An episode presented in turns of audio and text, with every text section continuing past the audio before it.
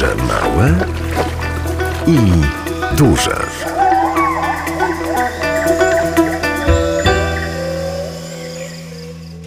Czy czas przedświąteczny to dobry czas do podróżowania? Jeżeli tylko chcieliby Państwo zaopatrzyć się jeszcze właśnie w te gwiazdki, o których chwilkę temu w piosence, to jak najbardziej tak.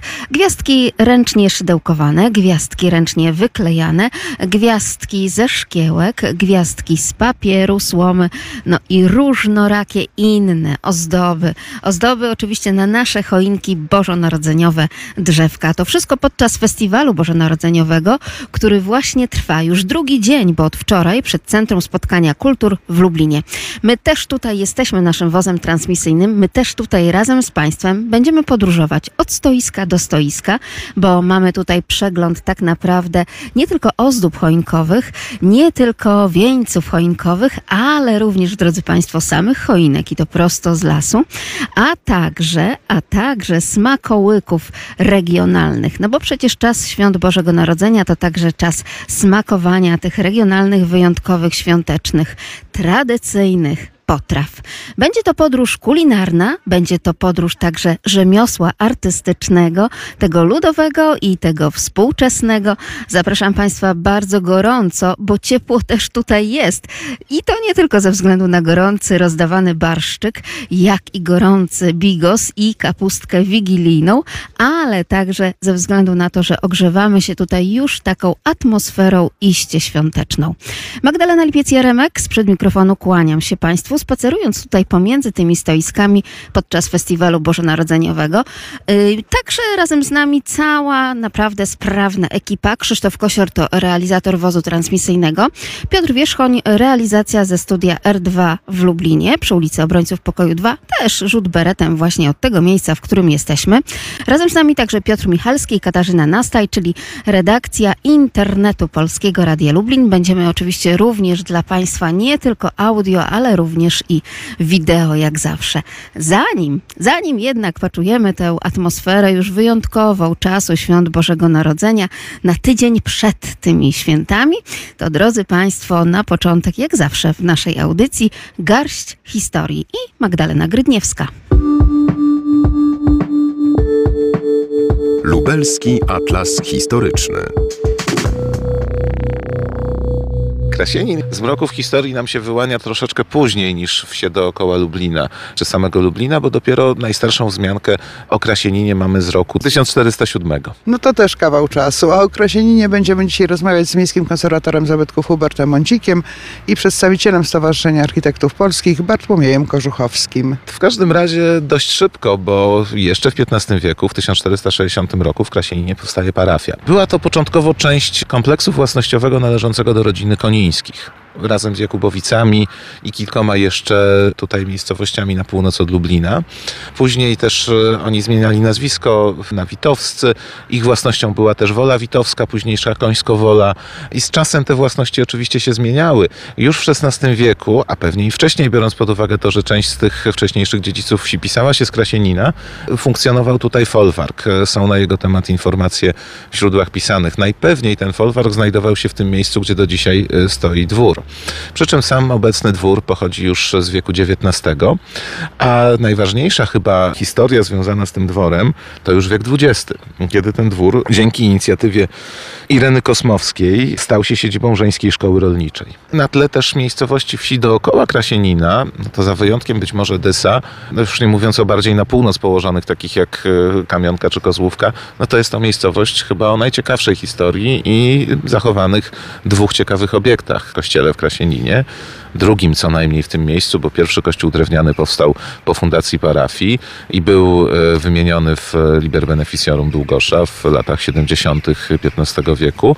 No i właśnie zespołem dworu. Nie jest to może aż tak czytelne dzisiaj, kiedy patrzymy na krajobraz Krasienina, ale jednak widać to ukształtowanie układu przestrzennego wsi z takimi dwoma wyraźnymi akcentami. Zespołem dworskim na pagórku, poza wsią e, i kościołem stanowiącym też na pagórku, stanowiącym taki, można by powiedzieć, taką ideową dominantę całej tej przestrzeni, a dookoła rozłożone są zabudowania wsi. Z tego, co pan e, mówi, to wynika rozwój w ciągu kilkudziesięciu lat, więc dosyć prężnie. XV wiek e, to jest w ogóle taki okres, e, w którym ziemia lubelska bardzo szybko się rozwija. Widać to po źródłach pisanych, w których mamy właściwie dekadę w stosunku do dekady coraz to więcej zmiankowanych nowych wsi. Mamy nowe informacje na temat kolejnych zakładanych parafii. Po Unii Polsko-Litewskiej ziemia lubelska stała się terenem bezpiecznym, dobrze położonym. Już nie było tych zagrożeń takich, jakie, jakie miały miejsce wcześniej ze strony choćby Litwinów czy Rusinów. Można było tutaj lokalizować nowe inwestycje, mówiąc najkrócej, i rody szlacheckie przede wszystkim te inwestycje w XV wieku tutaj umieszczały.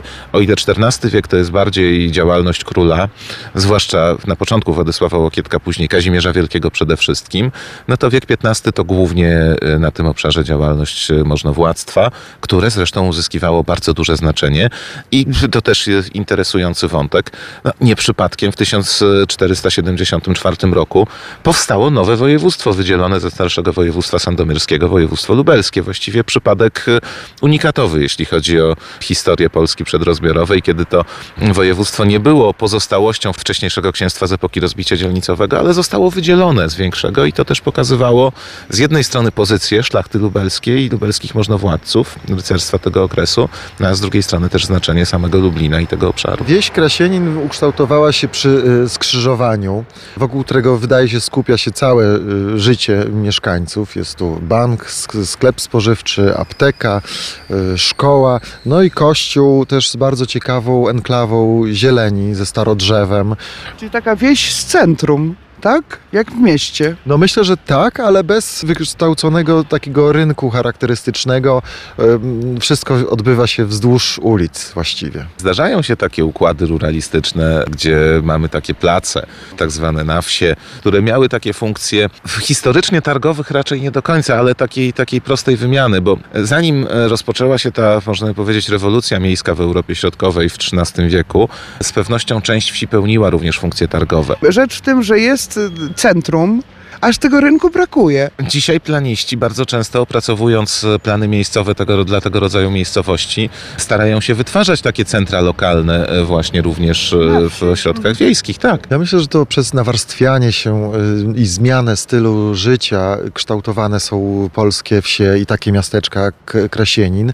No i pewnie w przyszłości ta ewolucja będzie postępowała. Ciekawe, jak to miejsce będzie wyglądało za 100 lat. Myślę, że w przyszłości będą kształtowali to jednak mieszkańcy, którzy wyprowadzają się z centrum miasta, z Lublina i powoli y, Krasienin stanie się taką orbitą po prostu, subcentrum takim małym. Jest na tyle blisko, że jest to bardzo prawdopodobne. A jesteśmy tutaj z Miejskim Konserwatorem Zabytków Hubertem Mącikiem, przedstawicielem Stowarzyszenia Architektów Polskich Bartłomiejem Koszuchowskim.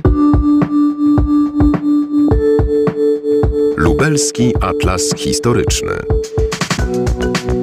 Audycja powstała przy współpracy z lubelskim oddziałem SARP.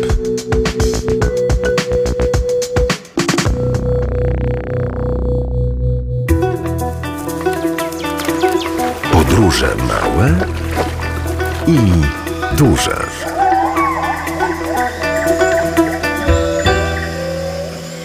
Podróże małe i duże, a kulebiaczki pachnące, kształtem oczywiście tak absolutnie w sam raz. Jeżeli rozgryzę, panie Łukaszu, to co znajdę w środku?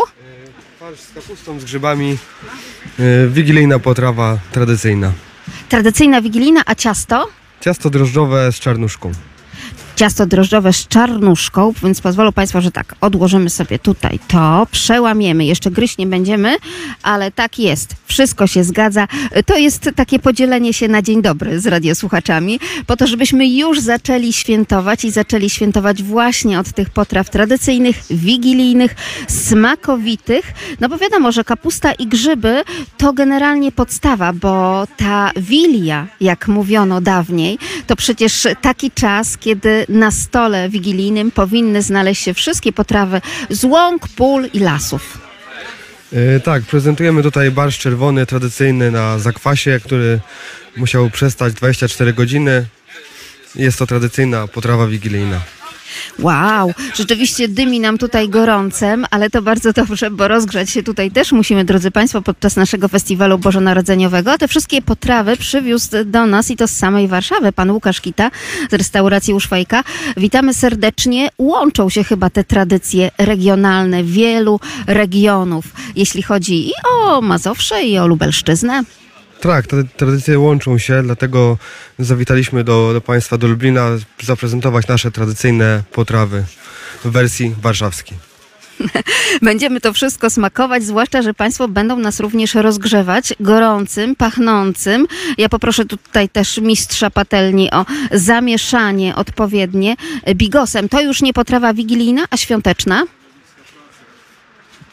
Tak, to już świąteczna, bo już mamy tutaj mięso i różne dodatki, przyprawy, więc to już tak jest.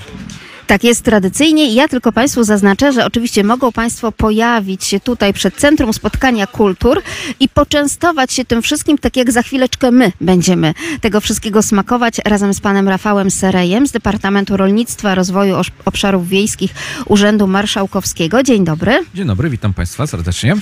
Jak smakują te potrawy? Bo widziałam, że już co nieco pan się rozgrzewał nimi. Tak, produkty są bardzo dobre, bardzo smaczne potrawy. Mieliśmy okazję również próbować wcześniej w Warszawie w ramach promocji lubelskiej kuchni, gdzie promowaliśmy właśnie w stolicy Polski, wspólnie tutaj z Państwem. Teraz Państwo przyjechali do nas pochwalić się tym, co u siebie smacznego, dobrego wytwarzają. Także są to bardzo smaczne produkty. Zapraszamy wszystkich i życzymy smacznego.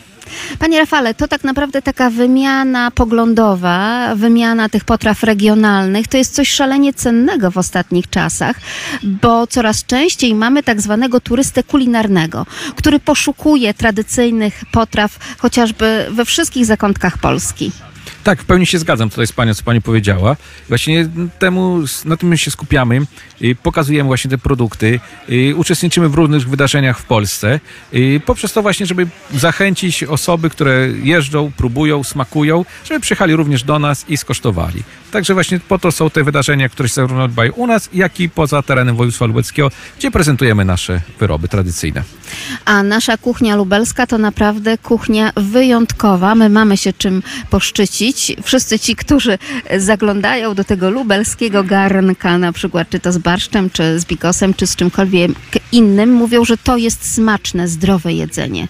Tak, w pełni się tutaj z Panią zgadzam. Mamy wpisane 252 produkty na listę ministerialną. To jest imponująca liczba. 252 produkty. Pozwoli pan, że ja tutaj taką zabawę radiosłuchaczom e, wymyślę. Drodzy Państwo, jak zawsze podróże małpka radio.lublin.pl 252 produkty, a proszę wymienić chociaż 10 produktów wpisanych właśnie do tych potraw regionalnych z tymi wyjątkowymi tytułami. Tutaj z naszego województwa lubelskiego mamy smakowite również nagrody dla Państwa. Podróże małparadio.lublin.pl Bo tych potraw jest naprawdę całkiem, całkiem sporo. To, co je wyróżnia, to naturalne produkty. Tak, to jest naturalne produkty i okres pochodzenia. Przynajmniej muszą mm, spełnić, wytwarzane są przynajmniej 25 lat temu i muszą stanowić dziedzictwo kulturowe regionu, z którego pochodzą. Tutaj chodzi na, o nasz region lubelski. A w całej Polsce jest wpisane ponad 2050 takich produktów na listę.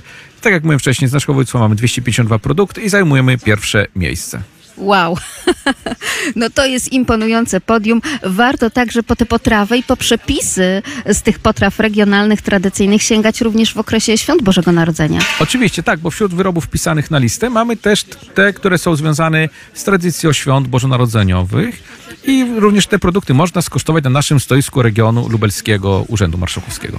Dzisiaj już drugi, wprawdzie ostatni, ale jeszcze się nie żegnamy, bo do późnych godzin wieczornych będziemy tutaj podczas Festiwalu Bożonarodzeniowego. Drugi dzień tego festiwalu. Jakie jeszcze atrakcje nas e, czekają? Na co pan zaprasza, panie Rafale? I wkrótce będą występy zespołów, gdzie zaprezentuję zarówno muzykę ludową, jak i kolendy. Także będziemy mieli o godzinie 13-14 występy zespołów oraz cały czas trwa degustacja naszych produktów tradycyjnych. I niezmiennie można wyjść z wieloma rzeczami tak naprawdę z tego kiermaszu, zakupując je, bądź też wygrywając, no przede wszystkim tę choinkę żywozieloną. Tak, oczywiście. Również można odebrać choinki zielone i zrobić zakupy zarówno produktów żywnościowych, jak i różnego rękodzieła. Także wszystkich serdecznie zapraszamy na kiermasz. A my jeszcze tak na powitanie, jeżeli tutaj mistrza kuchni możemy poprosić o nalanie nam barszczyku, chcemy tym barszczem wigilijnym wznieść toas właśnie za powodzenie tego naszego kiermaszu, jarmarku i tak naprawdę całości festiwalu. Proszę bardzo, panie Rafale, tu kubeczek dla pana Dziękuję. I jeszcze jeden dla mnie, żebyśmy zachowali bezpieczeństwo. O. Pozwolą Państwo, że tym prawdziwym, na zakwasie, zdrowia, zdrowia i jeszcze raz zdrowia, bo to chyba najważniejsze, Tak panie jest. Rafale. Wszystkim Państwu życzymy zdrowia, wszystkiego najlepszego. Wszystkiego dobrego i Wszystkiego smacznego. Podróże małe i duże. Stała nam się nowina miła, Panna Maryja syna powiła. Powiła go z wielkim weselem, będzie on naszym Zbawicielem, Zbawicielem. Tak naprawdę to jest właśnie między innymi ta krzczonowska nuta wprowadzająca nas już w atmosferę świąt Bożego Narodzenia. A ten piękny głos, który Państwo usłyszeli, głos niosący tę dobrą, wyjątkową nowinę, a ta nowina już przecież za tydzień, za tydzień, drodzy Państwo, jak ten czas biegnie w ciągu roku, to głos należący do koła gospodyń i gospodarzy krzczonów Sołtysy. Wojciech Cioczek razem z nami. Dzień dobry. Dzień dobry. Dzisiaj też tutaj podczas tego festiwalu bożonarodzeniowego możemy podziwiać wasz dorobek i to dorobek całoroczny. Całoroczny tutaj umieszczony na tym przepięknym kalendarzu. Ten kalendarz y, już wydajemy od czterech lat. a Od dwóch lat ma formę dwunastostronicowego kalendarza, na którym możemy zobaczyć efekty naszych sesji zdjęciowych. Tutaj akurat y, wielka, y, wielka zasługa naszej przewodniczącej Kasi i koleżanek fotografek, które robią nam E, te sesje, piękne sesje zdjęciowe, one są oczywiście bogate przede wszystkim w strój krzczonowski, który jest takim największym naszym celem, żeby go jak najbardziej propagować, bo wiemy, że na przykład górale mają strój, e, wszyscy wiedzą jak wygląda strój góralski czy łowicki, a my chcemy bardzo przykładać e, wagę do tego, żeby propagować i rozpowszechniać nasz strój i żeby on był e, bardziej widoczny i jeszcze bardziej rozpoznawalny na całą Polskę. Ten strój krzczonowski to przecież ten nasz typowy lubelski, ludowy, prawda? Odzwierciedlający piękno krzczonowskiego krajobrazu, czyli krajobrazu lubelskiego, powtarzając się.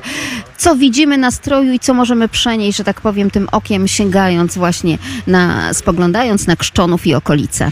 Mm, Jeżeli chodzi o co, mogli, co moglibyśmy przenieść, to chyba te pasy e, pięknych wstążek na spódnicach, które można porównać do e, pól naszych pięknych, e, wyżynnych e, pagórków, e, na których Widzimy y, zboża y, różnego rodzaju, ponieważ mamy i rzepaki, i, i y, pszenicę, i te, ta kolorystyka jest bardzo bogata, więc to moglibyśmy jak najbardziej porównać.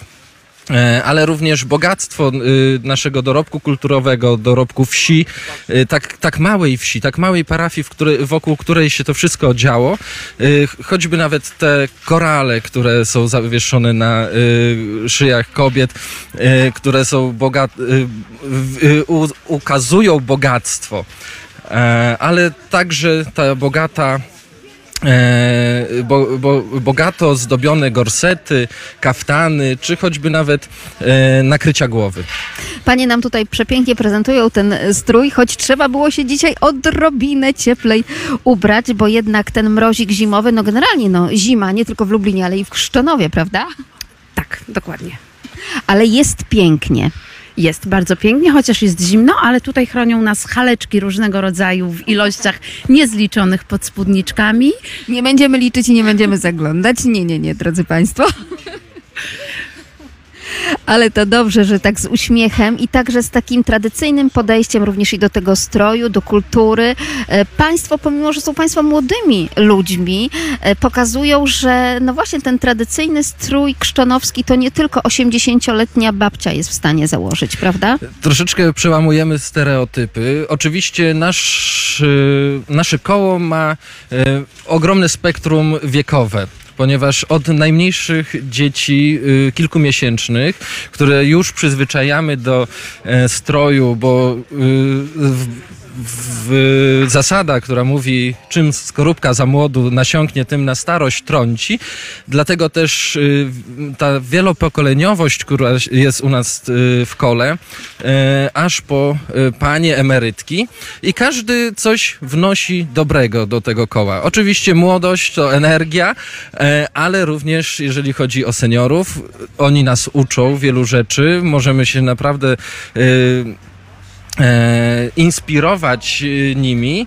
e, Jak również e, włączamy ich w takie działania, które wydawałoby się może, a może starsza babcia już nie za bardzo, e, żeby się gdzieś tam pojawiła, a my właśnie na odwrót. My jak najbardziej e, wyciągamy te osoby, chcemy, żeby je, e, one były widoczne, bo wieś to nie tylko młodzi, wieś to nie tylko seniorzy, e, dlatego trzeba pokazać to całą e, gamę e, właśnie osób, dzieci, młodzieży, dorosłych, ale również seniorów. Tak jak na tym kalendarzu pokazują Państwo także tę e, różnorodność wiekową, ale i różnorodność krajobrazową i zabytkową. Bo to jest też ważne, że także poprzez działalność Państwa koła, ja tylko przypomnę, że koło gospodyń i gospodarzy krzczonów Sołtysy, to właśnie przy tym stoisku tutaj podczas festiwalu bożonarodzeniowego przed Centrum Spotkania Kultur w Lublinie się zatrzymaliśmy. Państwo pokazują tutaj w tym kalendarzu no przepiękną i przyrodę, no bo wiadomo, otulina Krzczonowskiego Parku to jest coś, e, co jest już w ostatnich e, latach, prawda? Bardzo, ale to bardzo e, szeroko odwiedzanym miejscem, jak i sam Krzczonów oczywiście, ale także te niezapomniane miejsca, jak chociażby, no właśnie, ta cudna kapliczka. Zresztą dochód z tego kalendarza, przepiękne fotografie, przepiękne zdjęcia, dochód z tego kalendarza przeznaczony jest właśnie na tę działalność związaną z ochroną tego dziedzictwa imienia kulturowego krzczonowskiego. Y, Już od czterech lat, jak wydajemy kalendarz, udało nam się y, odnowić tak samodzielnie, można powiedzieć, dwa zabytki, czyli feretron, y, neogotycki feretron, który został odnowiony y, dwa lata temu. Y, Rok wcześniej, y, rok później daliśmy taką cegiełkę do, do takiego ogromnego przedsięwzięcia w naszej parafii, ponieważ chodziło tutaj o e, ogrzewanie podłogowe, więc tutaj daliśmy tą cegiełkę na, na kościół. A w ubiegłym roku, czyli w tym roku, wykonaliśmy e, kapliczkę. Odwzorowaliśmy ją tak, jak ona wyglądała 100 lat temu. Z fotografii, którą y, znaleźliśmy na stronie Narodowego Archiwum Cyfrowego.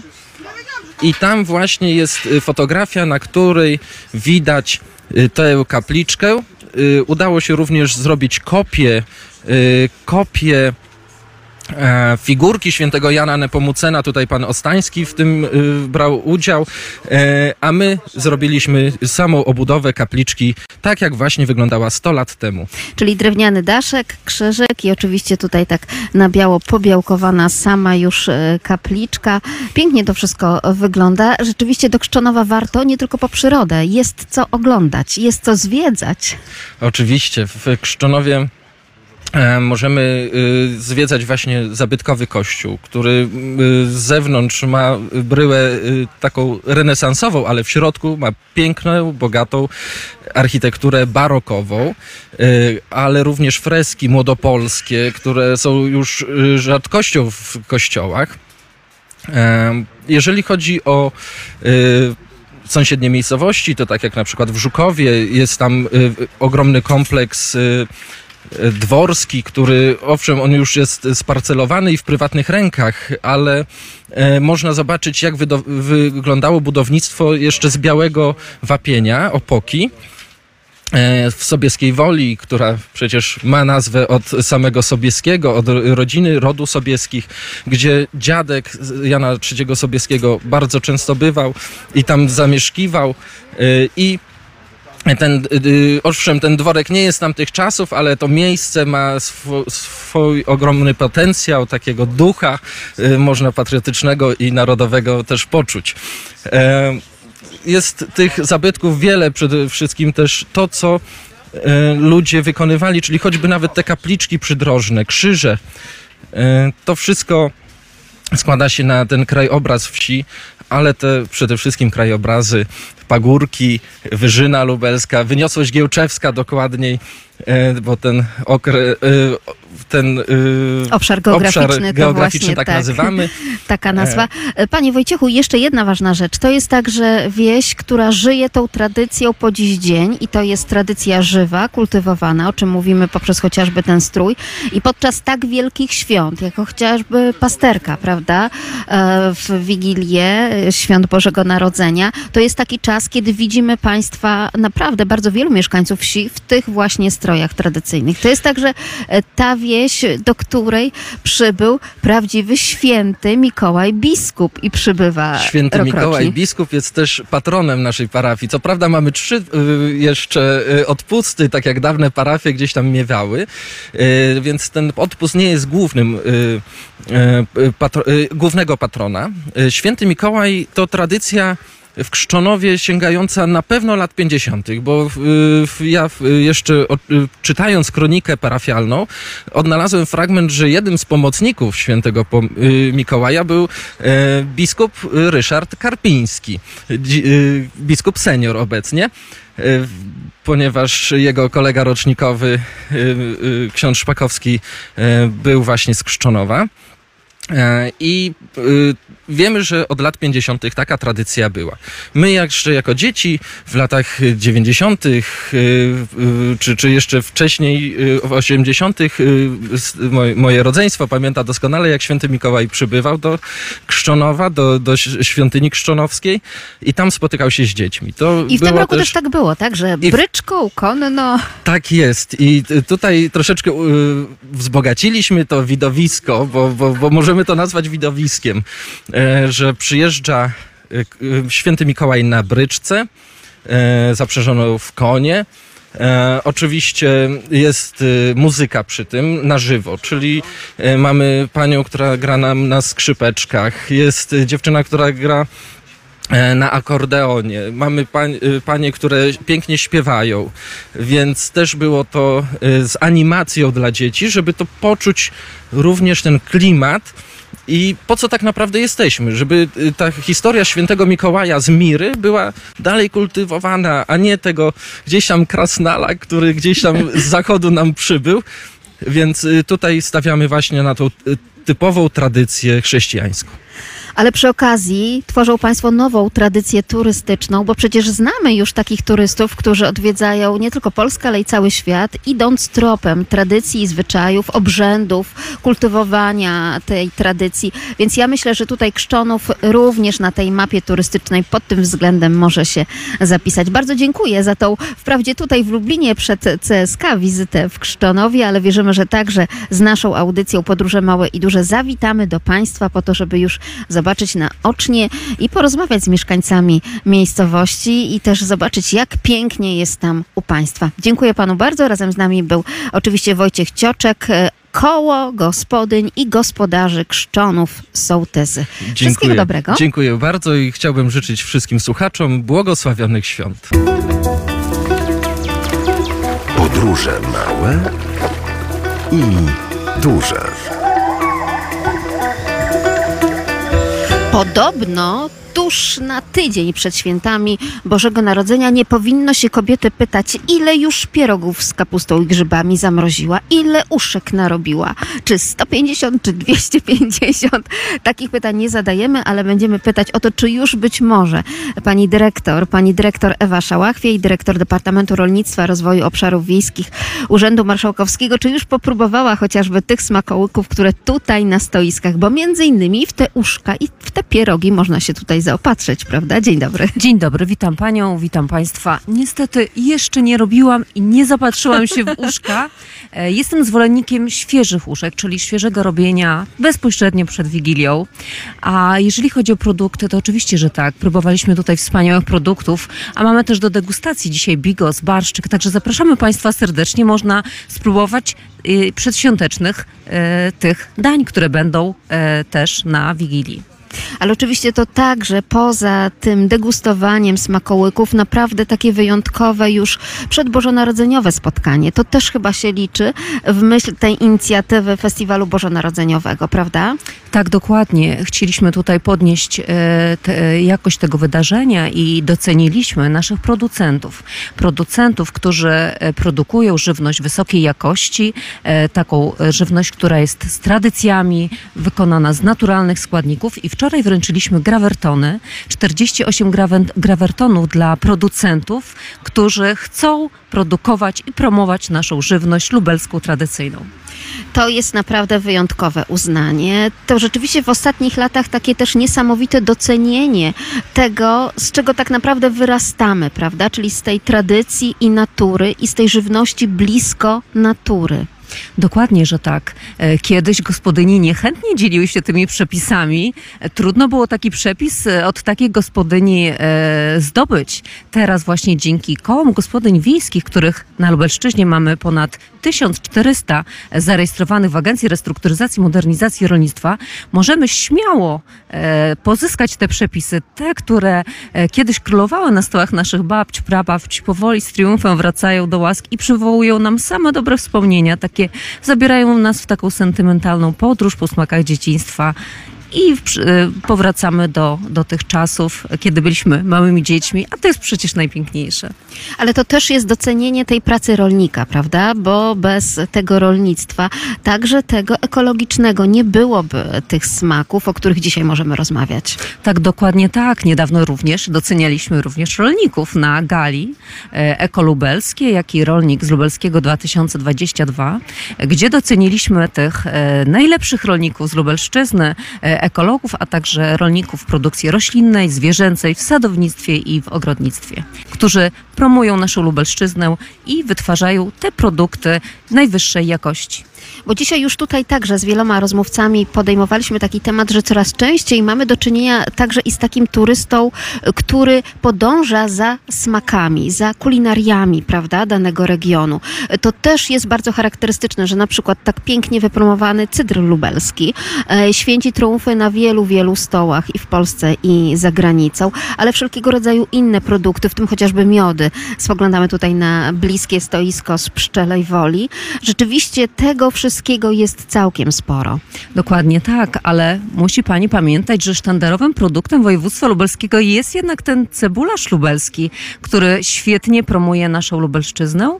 E, Ostatnio nasze produkty tradycyjne również promowaliśmy w Krakowie, w Warszawie, także w całym kraju i poza krajem staramy się promować naszą Lubelszczyznę, a doskonałą e, promocją jest również nasz katalog e, w krainie lubelskich produktów tradycyjnych, który można uzyskać zgłaszając się do Departamentu Rolnictwa i Rozwoju Obszarów Wiejskich. Tak jak Państwo słyszą, już scena nam się pięknie przygotowuje tutaj przed Centrum Spotkania Kultur. Festiwal Bożonarodzeniowy trwa, a wóz transmisyjny Polskiego Radia Lublin jest na miejscu. Jesteśmy razem z Państwem. Do zobaczenia i do usłyszenia. Podróże małe i duże.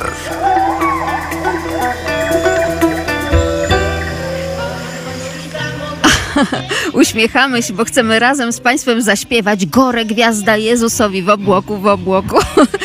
Hejżeina, dyna, dyna, narodził się Bóg dziecina w Betlejem, w Betlejem. Mój ulubiony fragment tej pastorałki to o tym, jak to huczą, buczą maleńkiej osobie.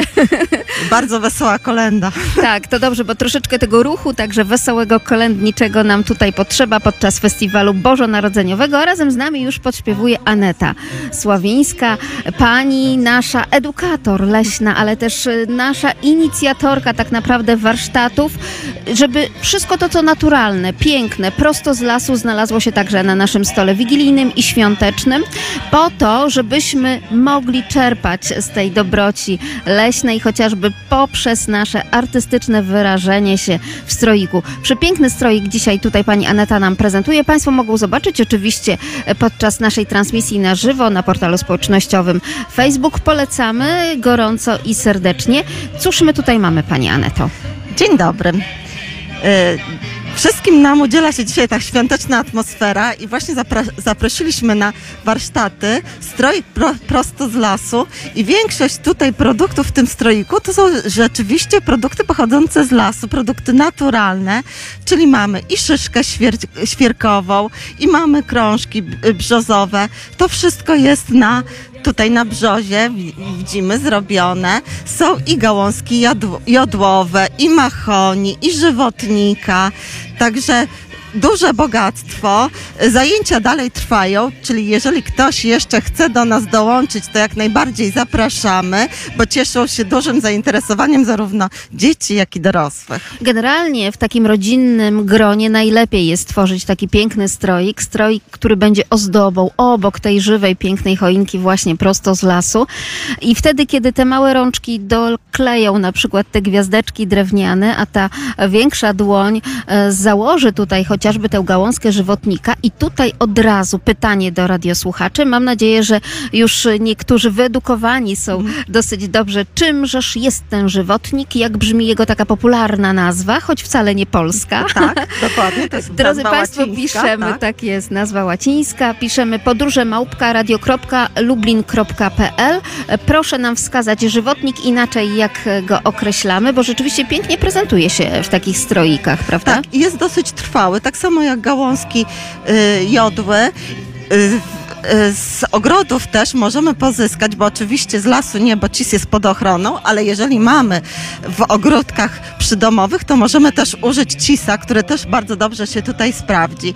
Jest też akcent taki sztuczny, czyli bombka, ale myślę, że zawsze taki, taki drobny element możemy dodać do naszych naturalnych stroików. Oczywiście, że tak, bo święta Bożego Narodzenia są kolorowe, są właśnie kolorowe, tak jak też je dzieci przedstawiają, dlatego też e, tutaj oprócz tych gałązek zimozielonych i skoro mamy do czynienia z leśnikiem wykształconym, to oczywiście tak jakim jest e, pani e, doktor Aneta Sławińska, to proszę powiedzieć tak naprawdę, cóż to znaczy taka ta roślina zimozielona w lesie? Zimozielona, no to znaczy, że ona dobrze przetrwa nam taką pogodę, jaką jest specyficzną, czyli, czyli zimę i w zimie po prostu będzie nas cieszyła też tym zielonym swo- zie- zie- zieloną swoją barwą, zielonym swoim kolorem. Słuchacze także dopytują, czy można mówić na te igiełki naszej choinki liście?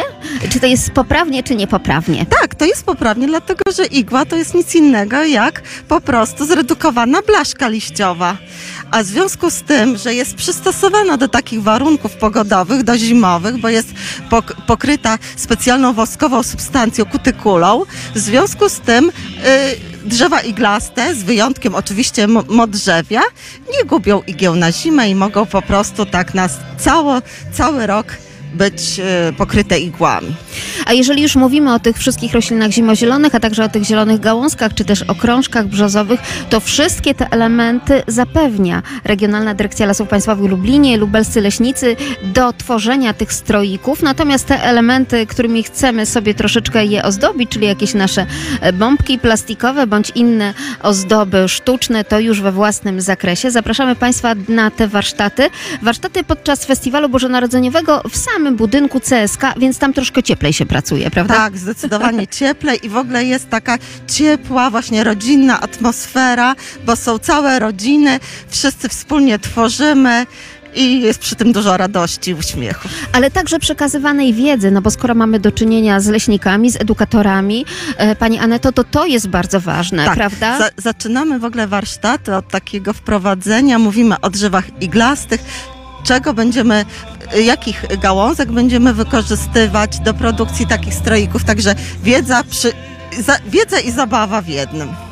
Wiedza, zabawa i tak jak Państwo widzą, proszę bardzo, już takie piękne dzieła sztuki powstają. A Pani Aneta mówiła, że warto zajrzeć do CSK, do sali, w której powstają te strojki, bo ich jest już naprawdę całkiem sporo i przepięknie się prezentują i to są strojki, które możemy, te stworzone własnoręcznie, zabrać do domu. Oczywiście, że tak, taki jest cel. Każdy wyprodukowany przez siebie strojk może zabrać do domu.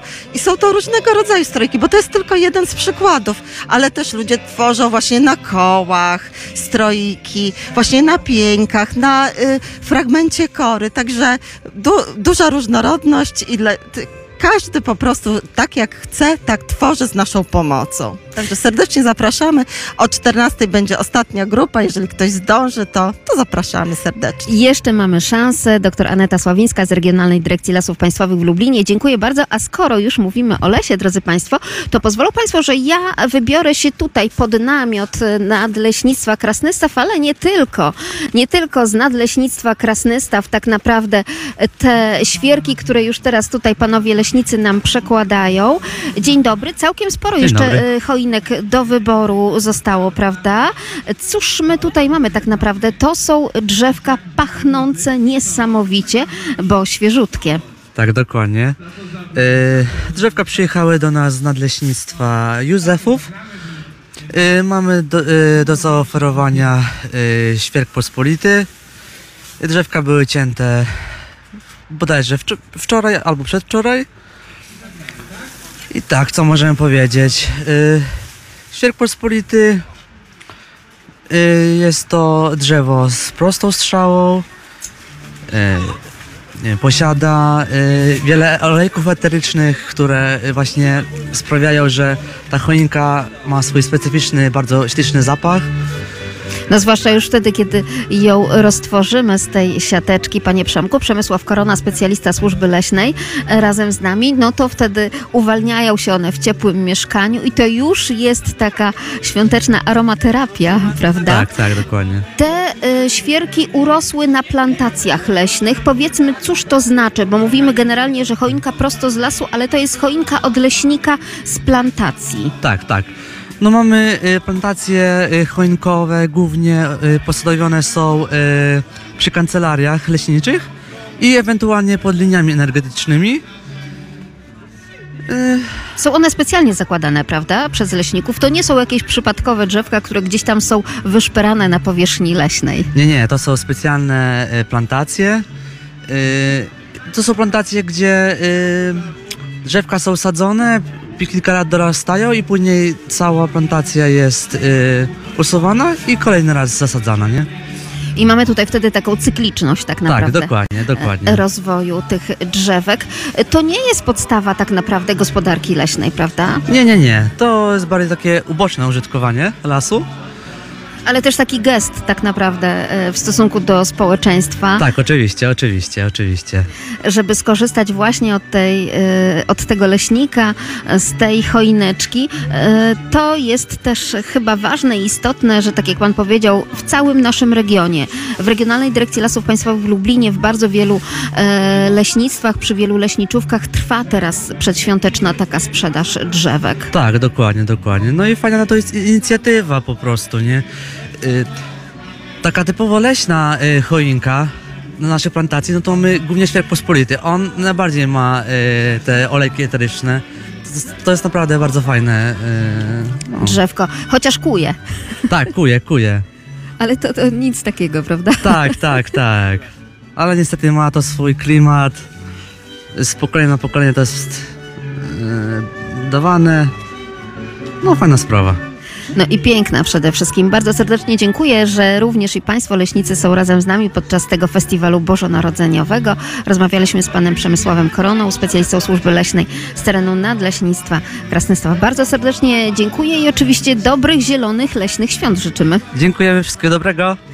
A my dalej, drodzy Państwo, kolędujemy, sprawdzamy, cóż tutaj na scenie się dzieje i zachęcamy Państwa do odwiedzenia nas oczywiście tutaj przed Centrum Spotkania Kultur w Lublinie na Placu Teatralnym. Jesteśmy jest także nasz wóz transmisyjny. Gramy dla Państwa. Podróże małe i duże.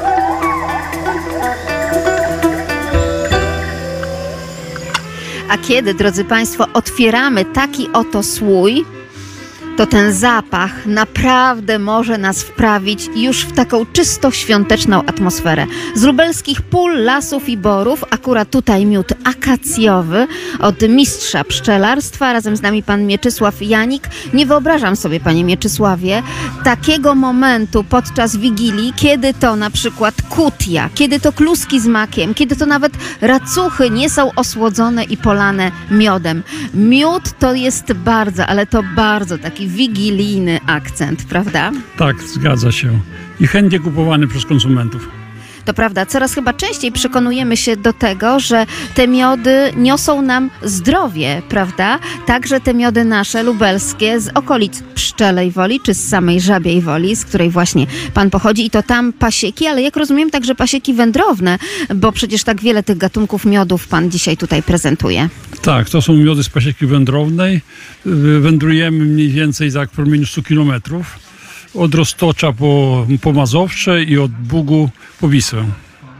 Piękny miód o różnych barwach. Jak rozumiemy, ten taki ciemny i jeszcze płynny to miód spadziowy, dobry na górne drogi oddechowe. Tutaj tak, dla pani redaktor z pewnością na zdrowie i dla tych wszystkich, którzy pracują głosem. Tak, zgadza się. To jest szczególnie polecane prawda, na górne drogi oddechowe, na przeziębienie. Także to jest miód z, z, z jodły. Po prostu zawiera te różne właśnie roślinne substancje, które prawda, udrażniają drogi oddechowe. Całkiem sporo tutaj na tym stoisku, panie Mieczysławie, tego płynnego złota, jakim jest miód. Jak pan ocenia tak pszczelarsko ten rok? Y, Pszczelarsko to widać po ofercie, że jest, oferta jest bogata. Zróżnicowana rok, rok bardzo. był bogaty. y, Aczkolwiek ta pierwsza część sezonu była lepsza, było sporo miodu, druga część sezonu troszkę gorsza, ale generalnie no, bardzo, bardzo pozytywnie. Pierwsze miody to chociażby rzepakowe. Tak, pierwszy miód to jest miód rzepakowy, później prawda, może być mniszkowy, może być akacjowy i tak aż do, aż do spadzi i wrzosu. I każdy znajdzie coś dla siebie. Znamy takich miodożerców, którzy uwielbiają miód rzepakowy, bo można go kroić niemalże jak masło, prawda? No tak, tak. To jest, Tak to jest, to jest miód kremowany akurat, także, bo taki normalny rzepakowy jest twardy, a ten jest prawda kremowany, to prawda to jest łatwo, łatwo się smaruje. Więc tak, mamy również ten wspomniany już spadziowy, mamy lipowy, też bardzo e, zdrowy, leśny. Leśny miód? Jeśli to jest ze spadzią liściastą i z nektarem. To rośliny, które kwitną w lesie, prawda? y, Ale to zdrowie z pasieki to nie tylko miód. Tak, to jeszcze jest pyłek kwiatowy, może być pierzga, może być propolis, prawda? Szczególnie polecany jest pyłek e, kwiatowy, który zawiera y, y, dużo mikroelementów i białka. Ale jeszcze tym słuchaczom, którzy nie wiedzą, proszę doradzić, w jaki sposób tak naprawdę można spożytkować ten pyłek pszczeli. E, Jak go jeść? On w smaku jest, nie każdemu może przypaść do gustu, ale najlepiej... Intensywny bardzo. Tak, tak. Najlepiej go namoczyć na wieczór, łyżeczkę w szklance wody namoczyć i po prostu można dodać cytryny, można dodać miodu i rano można to wypić po prostu. Taka zawiesina się zrobi. Otóż to dobrze, że pan powiedział, że można dodać miodu, bo znamy takich, którzy na przykład właśnie w płynnym miodzie y, zanurzają łyżeczkę z takim oto pyłkiem i mają taką y, substancję No tak, łączoną. można, można to mieszać też z miodem, można zamieszać z miodem także. Ten pyłek, jak on powstaje? Bo możemy tutaj pokazać, że jest naprawdę różnobarwny. No pyłek to jest, biologicznie to są komórki mm, rozrodcze męskie, prawda? Męskie, stąd pszczoły to zbierają, prawda? Przynoszą to do ula na nogach, prawda? I muszą się przyciskać przez spe, specjalne pyłkołapki i, i gubią te, te, te obnóża, bo to na obnóżach po prostu, więc yy, i to się właśnie poddaje konserwacji poprzez suszenie bądź mieszanie z miodem i można nakonsumować. No i właśnie tutaj mamy taki Tak, właśnie to jest, z a to jest taki z pyłkiem kwiatowym, prawda? To jest świeży pyłek zalany miodem prostu. Bardzo ładnie to wygląda, tak szalenie plastycznie, a smakuje samym zdrowiem. No tak, tak, tak. Jak to dobrze, że mamy takie smakołyki, jak to dobrze, że możemy z tego czerpać, jak to dobrze, że ludzie przekonują się do tego naturalnego miodu, prawda? No jest powrót w tej chwili naturalnych y, substancji spożywczych. Miód jest taką naturalną, nieprzetworzoną, nieprzetworzonym produktem. Proszę powiedzieć, jak tam zimowla u pszczół, no bo my w tym roku zaczęliśmy odczuwać rzeczywiście tą prawdziwą no tak. zimę. No myślę, że pszczoły mm, zimują chyba dobrze. Jeżeli jest temperatura w miarę stała, to, że zasypane śniegiem, to nie przeszkadza. Pod I- pierzynką śnieżną podobno cieplej. Tak jest. I no poza tym ta pierwsza część zimowli jest zawsze zwykle łatwiejsza niż ta druga część zimowli, prawda? Także więc tutaj są na razie, na razie nie mam żadnych obaw. To trzymam kciuki, żeby tak było cały czas. A proszę powiedzieć, czy jakieś tam poduszeczki, takie jaśki pan powkładał również do ula, żeby No, ogrzać? to znaczy tak, to, to się prawda wkłada się takie poduszki, najczęściej z, z paproci, także to czy takie izolacyjne. One w lecie izolują, prawda, że- żeby się ule nie przegrzewały, no a zimie, trosz, zimę troszkę zatrzymują e, ciepło. Wiedzieli państwo o tym, że pszczoły w ulu też mają swojego jaśka, żeby dobrze tam naprawdę im się spało. Ale o tym, że to z liści paproci, to nie wiedziałam. Myślałam, że to zwykłe No tak, takie to, to bardzo, bardzo lekkie, prawda, bardzo lekkie i się, i, się właściwie to nie kruszy, tylko tak, prawda, no, lekko przykrywa mm, ramki ulu. Jak to dobrze, że pan nam to wszystko tłumaczy, mistrzu. Mieczysław Janik razem z nami. Oczywiście te tradycje pszczelowolskie, no nie biorą się znikąd, tylko od zarania dziejów. Dlatego też także państwa w czasie również tych podróży zapraszamy do Pszczelej Woli. Tam warto zapukać, chociażby po to, żeby zobaczyć ule figuralne, prawda, na terenie samej szkoły. No tak, jest skansen pszczelarski, można to wszystko zobaczyć, jak to kiedyś wyglądało, jak dzisiaj wygląda pasieka. A dzisiaj współcześnie przede wszystkim już cieszymy się, że tyle miodu tutaj mamy i tak jak pan powiedział, że mamy tak dobry rok. Rok był miodny, był też miód lipowy? W ograniczonym zakresie. Nie wszędzie, prawda? Ta lipa taka jest dość, jak to się mówi, no dość zawodna, dość tak, zawodna. I nie wszędzie Nie wszędzie, nektaruje. tak, tak. Ale to, co mamy, tym się cieszymy i oczywiście te smaki polecamy Państwu również na czas Świąt Bożego Narodzenia. Oczywiście do tych pierników też tego miodu całkiem No tak. sporo dodajemy, prawda? Tak jest. Więc to jest to. Życzymy miodnego roku i smacznego. Podróże małe i duże.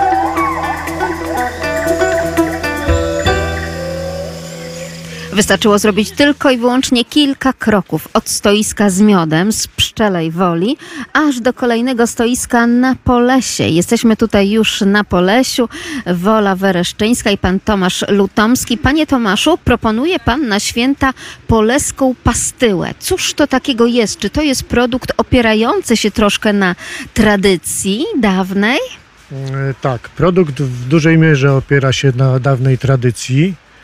E, Moja mama e, robiła bardzo podobny produkt, e, natomiast ja poszedłem dużo dalej do przodu. Robię podobny produkt w niższej temperaturze, nie dodaję cukru. Także no, myślę, że w takim e, dobrym kierunku poszedłem. Zdrowym na pewno. Zdrowym Ale cóż to tak. takiego jest poleska pastyła? Co w tym się tak naprawdę zawiera dla tych, którzy nie mogą zobaczyć tych cudeniek, na które ja teraz patrzę tutaj przy pana stoisku? E, Pastyła e, w ogóle są to owoce e, zblendowane. E, Bazą każdego ze smaków jest jabłko. Owoce są blendowane w całości, więc razem z sokiem. E, Jabłko razem z gniazdem nasiennym. e, Rokitnik razem z pestką.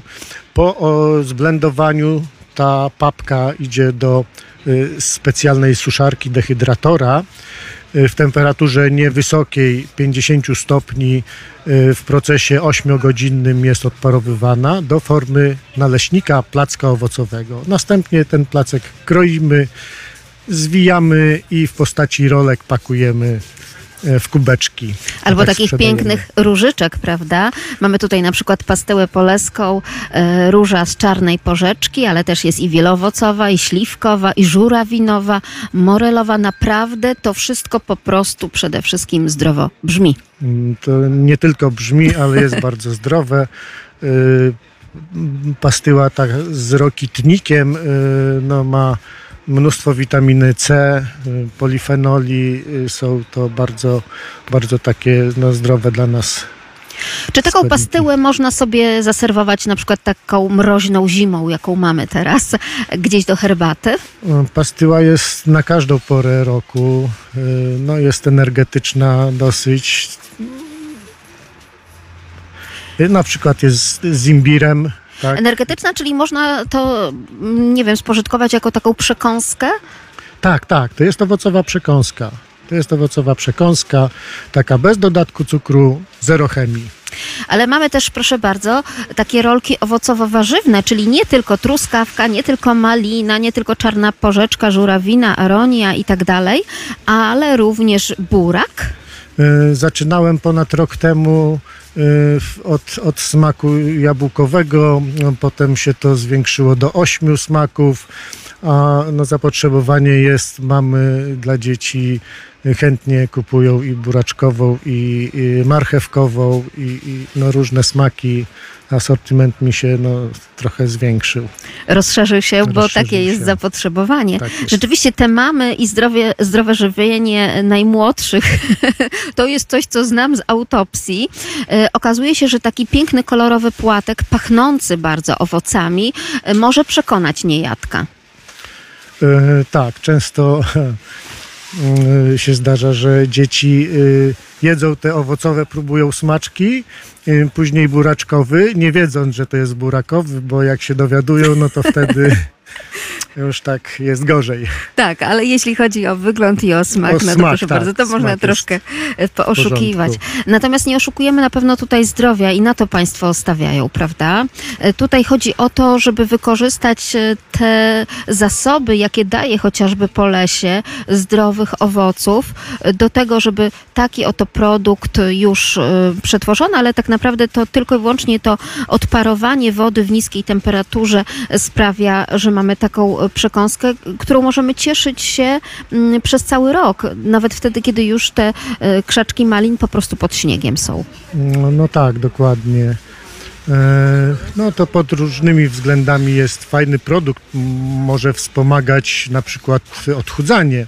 O proszę. e, ponieważ no, tu jest dużo pektyn i e, zjedzenie dwóch, trzech rolek powoduje, że no, ta treść pęcznieje u nas i nas w żołądku no, oszukuje e, nas, że, że tak jest takie poczucie sytości, Sytości. więc y, po inne rzeczy wtedy się nie sięga. Przekonują się tak naprawdę konsumenci do czegoś tak zdrowego, ale nowego na rynku? E, Gdyby ludzie nie próbowali, to myślę, że by miało połowę mniej sprzedaży. A tutaj jednak sprzedaż się udaje. Głównie tak, głównie moja sprzedaż opiera się na tym. y, Na początku zapraszam do spróbowania. y, Gdy mówię, że to jest y, owocowa przekąska bez dodatku cukru, bez żadnej chemii, no to wtedy osoby wiele osób decyduje się na spróbowanie. Gdy spróbują już, no to wtedy przeważnie decydują się na zakup. A przecież ten nasz stół wigilijny też obfituje w różnego rodzaju suszone, prawda, owoce, w tym naszym kompocie z suszu. Kiedyś tak, tak. Kiedyś jabłka były, śliwki głównie były. No, Gruszki nawet, żeby troszeczkę Gruszki, było tak, tak, bardziej tak. słodko. Teraz sobie to rozmaicamy także na przykład morelą, też jak najbardziej słodkim owocem. A tu proszę bardzo, czyli to jest jednak ta tradycja. Poleska pastyła. E, Bardzo piękne słowo też chyba z tego tak zwanego tutejszego języka, prawda, języka poleskiego. E, To też jest charakterystyczne, że możemy sięgać i do tego słownictwa archaicznego, ale także do tych produktów, które niosą nam już współcześnie zdrowie. Bardzo pięknie dziękuję i dobrych świąt smacznych, owocowych również, panie Tomaszu.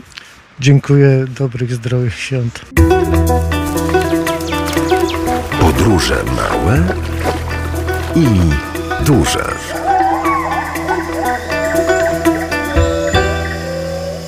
I my również Państwu życzymy ding-dong, wesołych świąt. Oczywiście jeszcze z życzeniami do spotkania już w dzień samego Bożego Narodzenia, bo wtedy też będziemy wspólnie podróżować już absolutnie świątecznie. Ale dzisiaj zachęcamy Państwa, żeby pojawili się Państwo na jarmarku bożonarodzeniowym przed Centrum Spotkania Kultur w Lublinie, bo jeszcze przed nami chociażby występ zespołu Kapela jak dawniej, ale także i na każdą nutę będzie wspólne kolędowanie, pastorałkowanie i śpiewanie, zabawa, jak również ogrzewanie się tym gorącym, wigilijnym barszczykiem. Drugi dzień festiwalu bożonarodzeniowego jest ciągle jeszcze, trwa dla Państwa aż do godziny 18, a nawet później. Choinki jeszcze są, stroiki i różnego rodzaju ozdoby też, więc zapraszamy Państwa na taką podróż od stoiska do stoiska, bo to także podróż regionalna i kulinarna. A ja za dziś dziękuję bardzo, kłaniam się, Magdalena Lipiec-Jaremek. Do usłyszenia, jak zawsze, w każdą niedzielę tuż po godzinie 12 podczas naszego wspólnego radiowego podróżowania. Piotr Wierzchoń, a także Krzysztof Kosior i oczywiście nasza ekipa internetowa. Kłaniamy się pięknie i zapraszamy na stronę www.radio.lublin.pl. Tam też relacja z naszych podróży jarmarcznych. Do usłyszenia.